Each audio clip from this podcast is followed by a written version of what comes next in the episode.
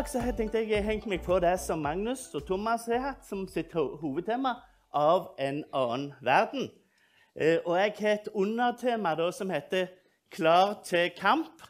Eh, så hvis vi får opp den For det er er vi klar til kamp, på en måte, tenker jeg. Eh, når vi på en måte snakker om dette, at vi er av en annen verden, har vi på en måte forberedt dere til at vi står i en kamp. For det er det vi gjør. Uh, og det er ikke vår kamp eller vår krig vi står i. Det er ikke meg sjøl jeg skal forsvare, men det er Guds kamp. Og så er det spørsmålet er jeg villig til å stå og gå i den og være i den kampen som Gud har kalt oss til. Uh, Predikerne, eller forkynnerne 8.8 sier sånn litt inni at det er ingen fritagelse i krig, sier han. Og det gjelder iallfall den typen krig vi står i. Det er at det er ikke noe som vi på en måte kan be om fritakelse for. Men det sier òg i Efeserne 6,7 så sier det Gjør deres tjeneste med et villig sinn, som for Herren og ikke for mennesker. Vi skal altså gjøre det av frivillighet. på en måte. Det er ikke min kamp, men det er Guds kamp. Og da er det neste som jeg tenker, Når vi går i kamp, så er det snakk om at vi må ha en forberedelse. På en måte, Hva tenker vi vi skal på en måte gjøre? Forberedelse når vi skal ut og slåss, så er det viktig. Eller når vi skal ut i en kamp. Og Da må vi ha oss av Guds ord. Vi må innånde dette herrene inn i oss, sånn at vi har fått det inn på innsida av oss. Hans ord, hans tanker, på en måte, slik at han kan minne oss på det og ta det fram når vi står i den kampen vi står i. Og Så skal du få høre hvilken kamp vi står i. Da vil jeg gå til Efeserne 6, fra vers 10 til 18, der det står herrene Ikke sikkert det var litt lite skrift, ser jeg, herrene. Eller litt for store skrift, gjerne. Eh, men jeg skal iallfall lese det for dere. Det er Paulus ord til efeserne når han skriver her. For øvrig, bli sterke i Herren og i Hans veldige kraft. Så kommer vi med en oppfordring. Ta på dere Guds fulle rustning, sånn at dere kan holde stand imot djevelens listige angrep.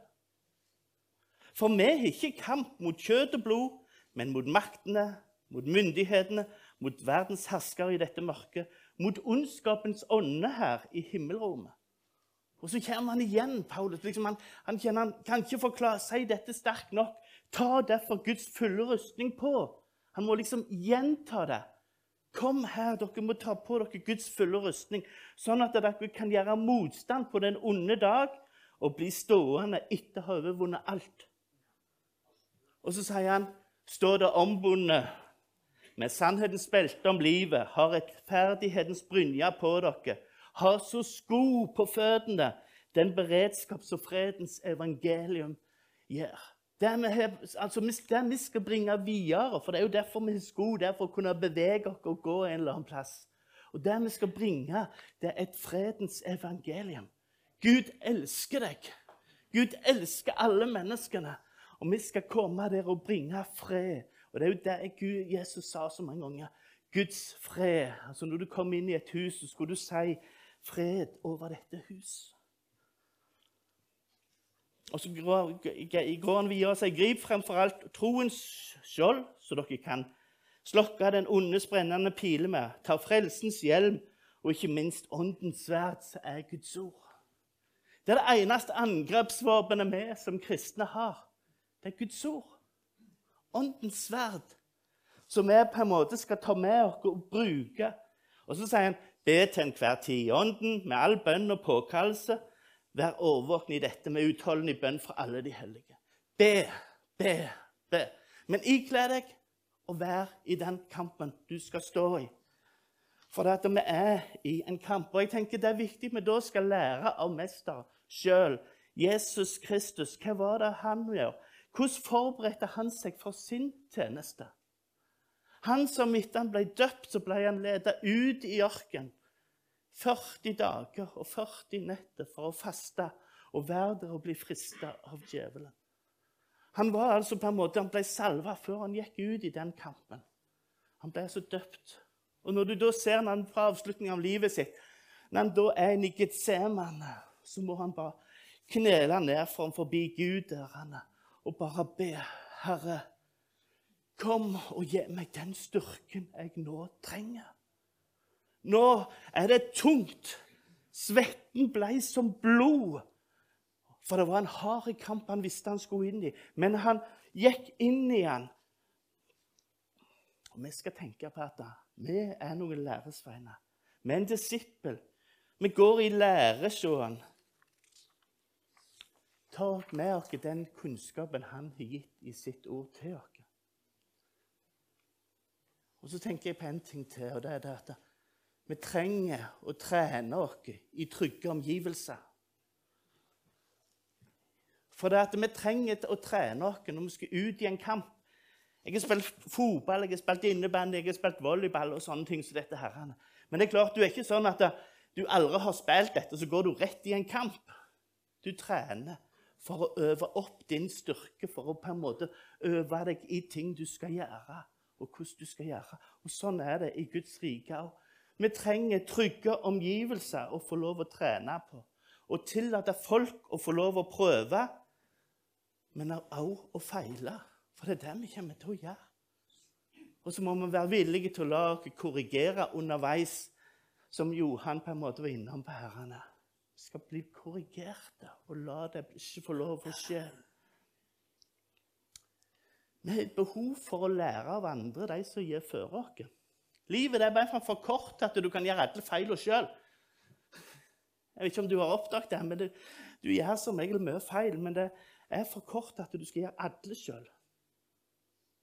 Ha noen som på en måte kan coache deg eller trene deg, som kommer med input og korrigerer deg. Vær forberedt. Jeg skal dele et ord til. Andre Timoteus Johan han var i vers 6, jeg er i vers 2, der det står 'Forkynn ordet'. Vær rede i tide og utide. Overbevis, i rettesett og trøst med all tålmodighet og lære. Vær rede i tide og utide. Det trenger vi. Vi vet aldri når kampen står. Se hva som skjedde for ei uke sist, sist lørdagsmorgen nede i Israel. Når Hamas kommer ut fra Gazastripa, og de kommer overraskende på Israels folk De var altså ikke forberedt, for de venta ikke et angrep der og da. Og hva gjorde det med det? Det gjorde at det ble veldig mye. For de var ikke på vakt, de var ikke på hogget. De var ikke der. Da fikk du se Hamas sin råskap og sin terror som de kom med fra Gaza. Jeg sa det i uka her en dag, og så sa jeg og så på CNN der du ser reporteren som står midt i det på Gaza. der Han står eller ut på, på israelske sider. Han står der, han er midt på veien. Du ser soldatene er der. og Han rapporterer, han viser rapportene våre på flyplassen i, i Tel Aviv. og på liksom Flyalarmen gikk, så de bare måtte ut og busse. De heiv seg ned på flyplassen. herrene. Og Når du står her, så tenker jeg her ser jeg dette live. Og da gjør det noe med meg. på en måte, vi vet hva som skal skje i de siste tider. At alle skal se det som skjer der nede. Israel har en, noen store kamper. De har fiender på mange sider. De har Hamas på Gaza-sida, på vestsida. De har på nordsida Hizbollah, Libanon. Og vi hører jo Iran som rasler med sablene hele veien fra øst. Da tenker jeg bare på hva som står i Guds ord. Slik skal dere òg, når dere ser dette skje, vite at Han er nær og står for døra. Tida, den nærmer seg. Men vi skal ikke frykte. Vi skal få lov å kjenne på Guds fred allikevel, midt oppi det. Men de var ikke forberedt. Og Derfor er det så viktig at vi har forberedt oss før vi da går videre til selve kampen. For at vi skal i en kamp, det er vi helt sikre på. Og du må tåre å stå i den. Du må tåre å være offensiv. Du må være litt pågående når du skal være i en kamp. Du kan ikke bare forsvare deg. Det er det samme som det gjelder i idrett. Men du, du må på en måte være positiv og framoverlente. Og du må på en måte dele av dine tanker, dine meninger, men du må også informere om det som skjer når du står i en kamp. Du skal formidle Guds godhet og hans kjærlighet. Og Det gjentas litt av det samme som vi leser her om tidligere i Timoteus-brevet, når, når, Paulus skriver til korinterne. Men den som taler profetisk, taler for mennesket, til oppbyggelse, formaning og trøst. Vi skal altså være med å bygge hverandre, vi skal formane hverandre, som Johan var inne på herrene, på en god måte. Men vi skal også være med og trøste folk. Når du står i en sånn kamp, så skal du ikke være redd for stillheten. Du skal ikke rushe, du skal ikke ha det for travelt, men du skal vente på Gud. Pust med magen og lytt til Gud har å si til deg. Lytt til hans røst og hans tanker. Vi har et annet bibelvers som også kommer opp her. For vi er Hans verk, skapt i Kristus Jesus, til gode gjerninger, som Gud forut har lagt ferdige for at vi skulle vandre i dem. Det er så herlig å vite at når du går i en kamp, så er det en som har vært der før deg. En som har vært og rekognosert og på en måte sett hva dette går i. Og så går han ikke bare og sier 'Nå må du springe'. Nei, han går ved min side. Han leder min gang. Han blir aldri trett, han som meg. Får lov å kjenne på dette. Gud han har vært der, for han har gått før meg, men han går òg med meg. Og Nå kommer jeg til å dele en litt sånn personlig historie som jeg har opplevd sjøl. Jeg har vært i en boksekamp. Vi kan gjerne ta det neste bildet, bare så du får se det. De sitter her, fikk to sides gratisreklame i Jærbladet herrenes 1.9. Der jeg var utfordra som politiker å stå i en politisk boksekamp. Altså det betyr det var verbalt. Vi skulle på en måte spille mot hverandre to stykk i tre ganger halvannet minutt. Og så fikk vi tema. Og Temaet vi hadde fått, det skulle i grunnen være noen spørsmål vi hadde svart på tidligere til Aftenbladet sin spørreundersøkelse NRK. Men når jeg kom her på, på, denne, så fikk jeg ikke det. Da står han Tom Hetland, som skal lede dette, her, så sier han nå skal dere i tre, i halvannet minutt ganger tre så skal dere dele, og så skal dere snakke om Og så dere skal snakke om pride og flagginga av prideflagget. Og der står du. Vær så god, sier han. Jeg kjenner oh, hjelp. Hva skal jeg nå si? Hva skal jeg nå si? For det er et tema som er vanskelig å, å kunne si noe om. For at vi skal ta i vare på Jeg ønsker ikke å støte et menneske. Men samtidig som jeg var tydelig på hva Guds ord sier. Så det, det blir liksom sånn du kjenner på Jeg kan være litt, si når jeg kjente det temaet det, det sokk i meg. Jeg vet ikke hva det hadde gjort i deg. Men det er klart, heldigvis så kjenner jeg at dette er et tema som jeg har tenkt på mye, har vært gjennom tankene, så jeg kjenner bare OK, jeg må dele hjertet. Jeg må bare dele hjertet og fortelle hva jeg, hva jeg tenker når du kommer med dette herrene. Og så måtte jeg bare fortelle ham at det som FRI står for, det kan ikke jeg på en måte være med på. Det, tar ikke jeg, det tar jeg totalt avstand ifra. Jeg var tydelig på hva mine tanker var. Men jeg var også tydelig på dette her. Så sier jeg om noe om at ingen skal bli trakassert eller mobba på bakgrunn av sin legning, sin bakgrunn eller sin tro. Menneskeverdet er likt uansett. Og Det, det er en balansegang som er vanskelig når du er innom et sånt tema. Til å snakke om dette. her. Jeg tror jeg fikk det fram rimelig greit. Jeg hadde en coach som var helt uenig med meg, men han klarte å putte inn i meg noen gode ting allikevel. I disse små pausene jeg hadde. Og jeg kjente at adrenalinet det kokte, det bobla i meg da jeg kom hjem. kan jeg bare si. Jeg var verre. Du, du, var høy det er luks. men jeg kjente at Gud var med meg. Jeg kjente så fred, for Gud var med meg. For at det var noe som var innånda i meg, som jeg fikk lov å ta ut der og da. Og så var det ikke liksom bare ferdig med det, for det var det jeg tenkte når jeg reiste hjem fra Hognes den kvelden, fredagskvelden. Men på mandags formiddag så ringer jo journalisten. Og så sier han, du Anders, jeg vil gjerne snakke litt mer med deg. det som du snakket om der borte. Og så måtte du på en måte gå gjennom den diskusjonen en gang til, der han hadde en del spørsmål, og du skulle svare. Heldigvis er dette en journalist som jeg har snakket litt med før, som gjorde at han sendte meg det han hadde skrevet, og så fikk jeg lov å korrigere litt av det. Sånn at det som kom ut, tror jeg var rimelig balansert, og var noe som mange kunne stå for. Men det handler om å ha forberedt seg for når du går i sånne kamper.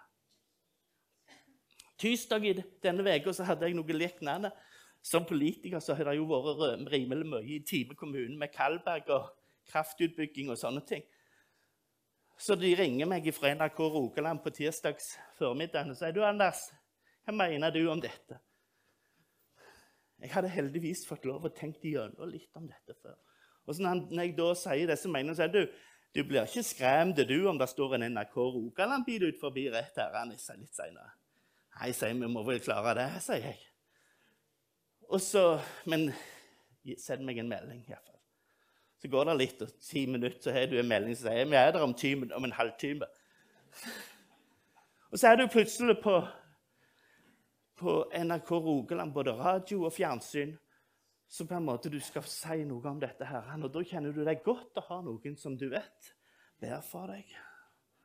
Og du har fått lov å forberede deg, som gjør at tankene har på en måte spilt litt inn i deg. Og Det er det det er snakk om når vi står i kampene. Så må vi ha noen som går med oss på den måten òg. Jeg skal gå videre til den ettertanke. Hva er det vi, vi gjør dette med oss og snakker om disse tingene? Vi tenker at ting tar tid, så det heter TTT. Ting tar tid. Ting vi gjerne har sett og tror at det er noe som er Gud har for oss nå.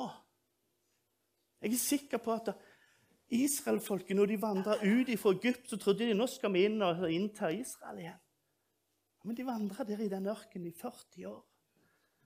Jeg tror ikke det var noen av de som på en måte gikk ut ifra Egypt hadde sitt føre seg. Jeg tror Gud utruster, han taler, han viser om de tingene som kommer. Men i det profetiske så snakker de mange ganger om at ifra en ting blir talt ut til det skjer, så går det gjerne 30 år. Og det er ganske lenge. For vi tenker at når Gud har sagt noe, så tror vi at ja, men det skjer jo rett etterpå. Er det en time til det skjer, eller er det et døgn til? Eller er det neste dag? Men av og til så går det gjerne lang tid før det skjer. Legene sier jo det mange ganger, at hvis du får en alvorlig sykdom, så handler ikke det om det du har stått i akkurat denne dagen her. Det handler gjerne om hva som skjedde for 30 år siden.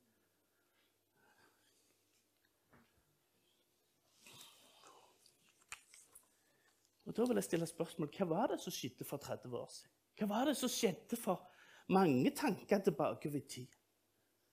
Jeg vil bare dra fram noen få eksempler. Jeg vil dra fram denne her Valdres-profetien fra 1968, som hun her gamle dama fortalte til Emanuel Minus at den må du bare bringe videre. Han tenkte at dette er galskap. Dette det stemmer jo ikke. Det er jo bare én fjernsynskanal i Norge. Du kan ikke se det som står her. Men hva er det vi ser? At her kom det mange fjernsynskanaler. Det var mange måter. Det var ikke bare fjernsyn lenger. Plutselig så kunne du se ting her, eller på en PC, eller hva det er. Og så ser du på en måte hva som skjer i dette perspektivet. At vi kan si at ja, i løpet av en 30 år, rundt årtusenskiftet så var veldig mye av det som sto i den profetien, allerede oppfylt.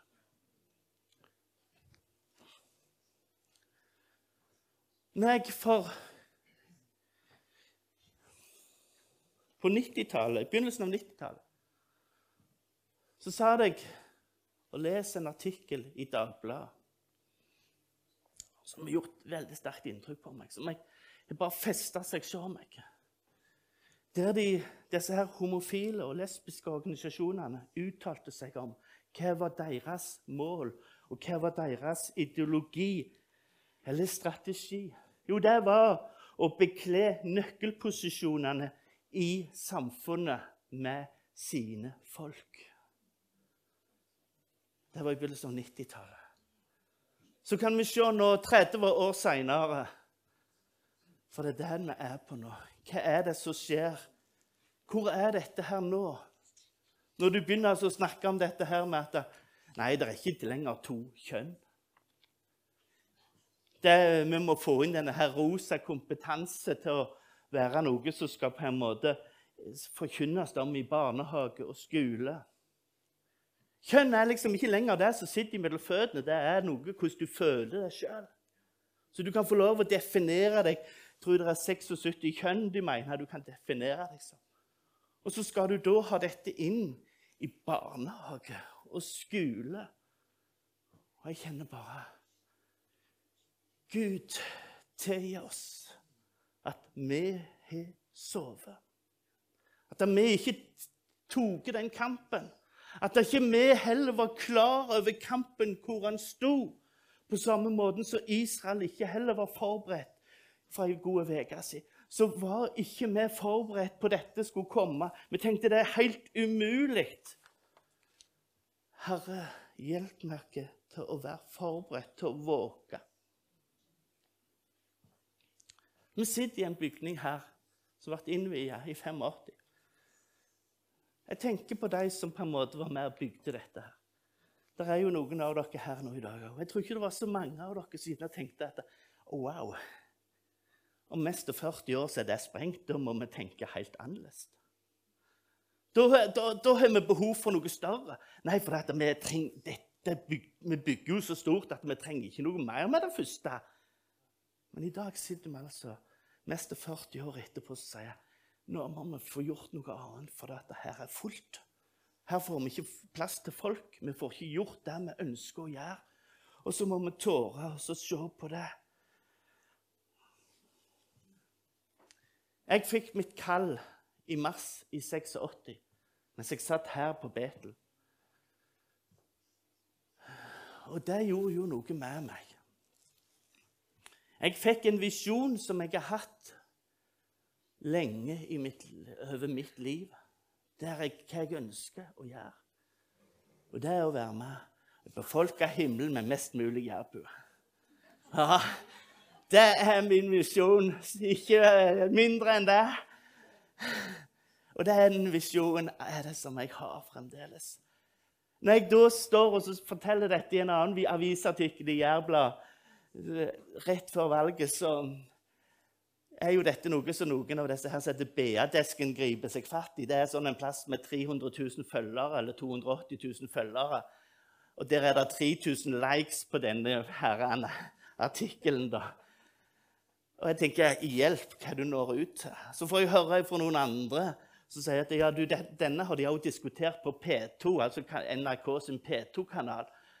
Og da, da, kjenner du liksom at de, hva er det du på en måte, Hvor når du ut til ting? Og det som De da på en måte, de harselerer jo litt med det, men det må de få lov til. Men jeg når iallfall ut med et budskap. Men de, de driver harselerer og sier at hvis himmelen er fullt av jærbuer, så vet vi ikke om vi har lyst til å være der, sier de. jeg tenker der har jeg lyst til å være for det, det er fullt av jærbuer. Jeg gleder meg til å være der med en haug med jærbuer og håper vi skal være mange der. Anne. Det er noen sånne ettertanker. Jeg skal dele neste, som er noe som jeg i august i 98 Så kjente jeg Gud utfordre meg på noe. Han utfordrer meg til å lage denne plakaten og innkalle alle ledere for forskjellige menigheter, kirker og bedehus på hele Jæren til et felles møte i arbeidskirka Jeg kjenner jeg hadde så lite lyst. Jeg gikk så mange runder med Gud for at Gud, du kan ikke mene at den lille meg skal gjøre dette her. Så sitter jeg på et møte her nå, et seminar med Per Kjetil Farstad i Frikirka på Bryne 23.9. nå i år. Så kjenner jeg jeg blir utfordra på det han har sagt. Om dette med 30 år. Dette er det 25 år siden jeg gjorde så kjenner jeg på den, Anders. Har du tro på dette fremdeles i dag? Har du tro på at vi skal oppleve en innhøstingstid der det skjer en åndsutgytelse i de siste tider? Det var det som drev meg til å sende det brevet. Vet at noen av de som sitter her, var på det møtet. Og jeg kjente det var, det var med stor ydmykhet jeg gikk fram og gjorde det. Jeg, ikke, jeg, kunne snakke mye om det, men jeg skal ikke si så mye om det. Men jeg kjente jeg ble utfordra på det. Men her skulle vi altså, kan vi forvente en ny stor vekkelse, for jeg kjente på at vi må stå i sammen. For det er som innhøstingstida, når den kommer, så nytter det ikke at det er bare Betel, det er bare der, det er der eller der. Nei, det er Guds menighet som i sammen står og bringer fredens evangelie, som skal få lov å være med og oppleve dette. Jeg kjente når jeg på en måte hadde det der, så får jeg, blir jeg minnet om dette som er i åpenbaringsbrevene, der de skriver til menighetene. Men jeg er imot deg, at du har forlatt din første kjærlighet. Anders, hvor brennende er du i dag i forhold til det du var for 25 år siden? Tror du fremdeles at Gud skal utgyte av sin ånd? Har jeg fremdeles en brennende iver, en lengsel og forventning etter å være Guds plan med mitt liv videre? Jeg kjente at jeg har nok tappa meg underveis. Og jeg kjenner med meg sjøl Herre, Tenn meg igjen. Bruk meg, for jeg tror på dette. Jeg har forventninger til at det skal skje. Jeg forventer det skal skje en utgytelse av din ånd. Jeg skal avslutte med noen bønner, sanger og forventninger. Jeg skal love å ikke synge, så du kan slappe av for de som tenkte å være redde det. Men der er den første Bønna den er henta fra Jesu ypperste bønn. Når han på sangen som på en måte er, som er tont i meg rett og slett rett før 80-tallet begynner. Og jeg tror vi tar den første sangen der først. Det er Arnold Børud som skrev denne sangen. Mester og Herre, Frelser og Gud, la dine barn være ett. Bind oss i sammen med fredens bånd og fyll oss med din kjærlighet. Fredens bånd, det var de skoene vi skulle ha på oss når vi gikk, for vi skulle være en sann sveiste gjeng. Den neste sangen den sang vi veldig mye på Betel her. Slutten av 80-tallet, begynnelsen av 90-tallet.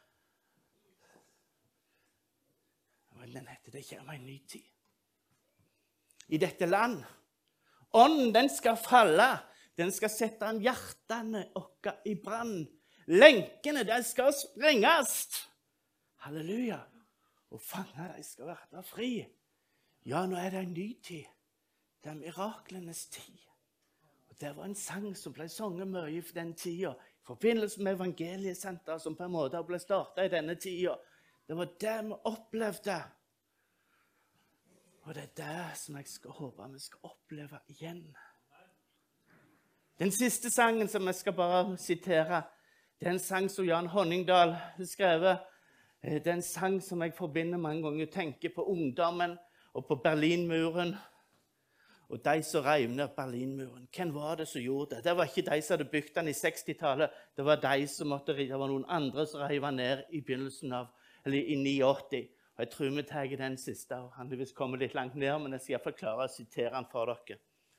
med en ny generasjon. Et folk som skal innta landet. De er kalt, de er utvalgt av Gud. De er rensa i blod ifra lammet.